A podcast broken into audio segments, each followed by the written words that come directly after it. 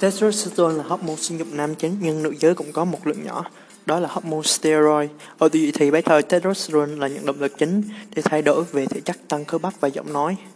Tập thể dục thật tập thể dục tập tạ tập thể dục là một cách hiệu quả để ngăn ngừa nhiều bệnh liên quan đến lối sống thật thú vị nó cũng có thể tăng cường testosterone của bạn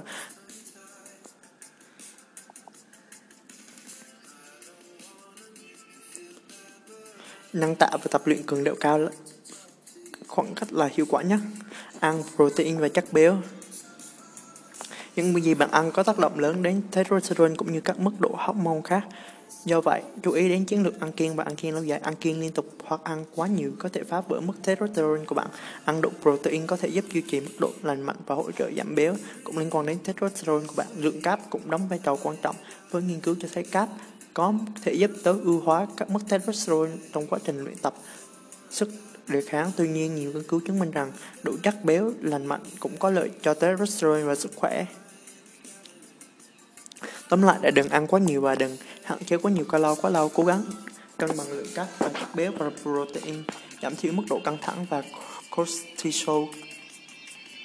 Nghiên cứu luôn làm nổi bật những mối nguy hiểm và căng thẳng dài hạn có thể làm tăng nồng độ hormone cortisol độ cao bất thường trong cortisol có thể nhanh chóng làm giảm testosterone trong hormone này là hành động theo cách giống như bập bên khi người một bên đi lên một kia đi xuống Căng thẳng và cholesterol cao cũng thể làm giảm năng lượng thức ăn và tăng cân lưu trữ chất béo và có thể có hại xung quanh các cơ quan của bạn.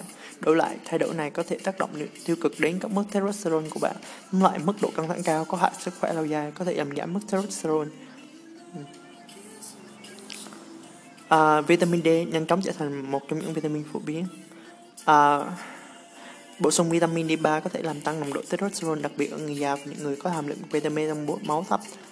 Uống bổ sung vitamin và khoáng chất. Vitamin và kẽm có có bằng chứng mạnh nhất là chất tăng cường testosterone có chất dinh dưỡng quy mô khác có thể có lợi ích nhưng cần nghiên cứu thêm. Hay chắc chắn rằng và có được nhiều giấc ngủ chất lượng cao để duy trì mức testosterone một số chất bổ sung thảo dược một cách tự nhiên để tăng testosterone. Như gừng chiết xuất gừng cũng sẽ tăng mức độ của bạn các loại thảo mộc phổ biến hỗ trợ nghiên cứu như gồm cỏ dây sừng vân vân. Giảm tiếp xúc với các hóa chất giống như estrogen, rượu và thuốc có thể ảnh hưởng tích cực đến mức độ testosterone và sức khỏe của bạn. Nhiều người ngày nay không nhận ra rằng bằng cách không bao gồm rau xanh và thói quen uống họ có thể dễ mất nhiều vấn đề sức khỏe nghiêm trọng. Sự thiếu hụt vitamin 3K thường dẫn đến xương yếu, chống đông máu, khả năng huyết áp cao hơn, vân vân.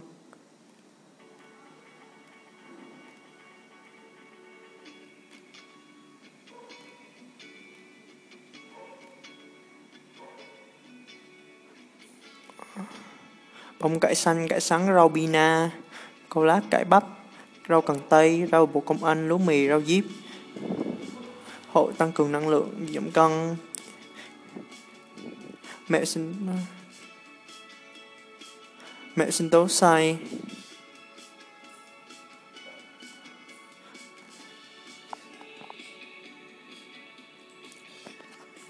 Chúng ta có rất nhiều thứ trong địa của mình mọi lúc người để chúng ta muốn hoàn thành trong cuộc sống. Sự chần chừ giống như một người bạn không mong muốn liên tục bấm chuông gõ cửa nhà bạn và chỉ muốn đi chơi mà không có lý do nào cả. Đôi khi bạn biết bạn có một danh sách việc cần làm vô tận và hết tên của bạn và bạn cần phải tập trung vào chần chừ. Hành động là thói quen chần chừ hoặc trì hoãn.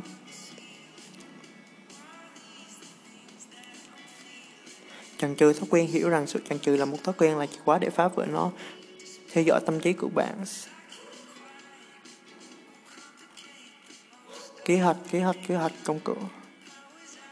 Hãy thử Pomodoro. Tôi là một người Pomodoro. Tôi phá vỡ những việc cần làm hết mức có thể có thể tránh sau khi nghỉ ngơi 5 đến 7 phút, tiếp tục làm việc sau 25 phút. Điều này được gọi là theo phong cách Pomodoro, giúp bạn tập trung vào một nhiệm vụ tại một thời điểm.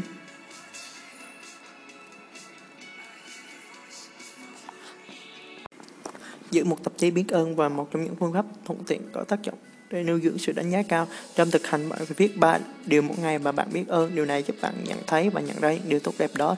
Thiền cũng là một biểu hiện giúp đỡ. Thiền là một thực hành tích cực bao gồm tăng cường sự tập trung chúng cảm ơn ai đó một ngày cho dù điều nhỏ nhất, mở rộng tầm mắt và trái tim của bạn, trái lại và điều tốt cho người khác cũng có thể cung cấp được điều to lớn 10 nguyên tắc của thành công buổi sáng nghe được nghe âm thanh xem mỗi video một ngày sáng, cầu nguyện, tập trung mục tiêu mỗi ngày. Chúng tôi trở thành những gì chúng tôi nghĩ về, suy nghĩ tích cực để bạn có thể đạt được những kết quả tích cực. Tin tưởng bản thân bỏ qua những người không tán thành, liên kết bản thân với những người thành công và có cùng chí hướng.